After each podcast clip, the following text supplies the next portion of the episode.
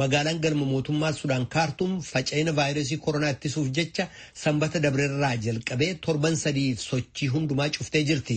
Agammaatti namoonni sagaltamaa ol vaayirasichaan qabamuun kan achirraa gabaasame yoo ta'u namoonni dhukkubichaan du'an kudha lama jedhamee jira.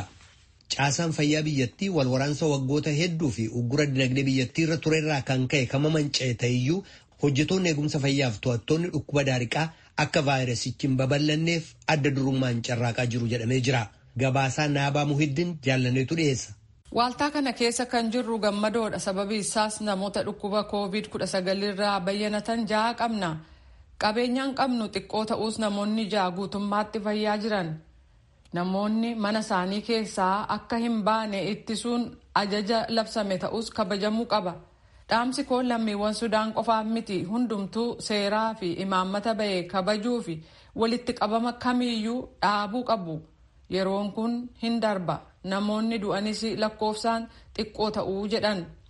Dr. Alnaazer Altayib ministeera eegumsa fayyaa Sudaan keessatti daayirektara kutaa ittisa daariqaa yookaan infekshinii ta'uun hojjetu. Isaanis akka jedhanitti har'a lakkoofsi jiru dabaluu dhageenya. Kana malees namoota COVID-19 qabaman kanneen mallattoo dhukkubichaa hin argisiifne waaltaa addaa keessa keenyee jirra. Inni kun waan wal dhahe nu agarsiisa. Kanaaf imaammata waaltaa keenyaa keessa jiru jijjiiruu qabna.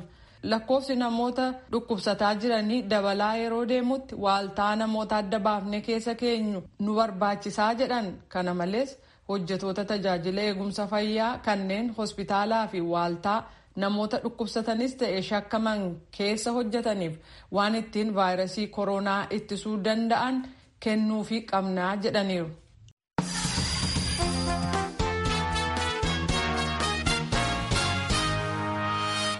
away.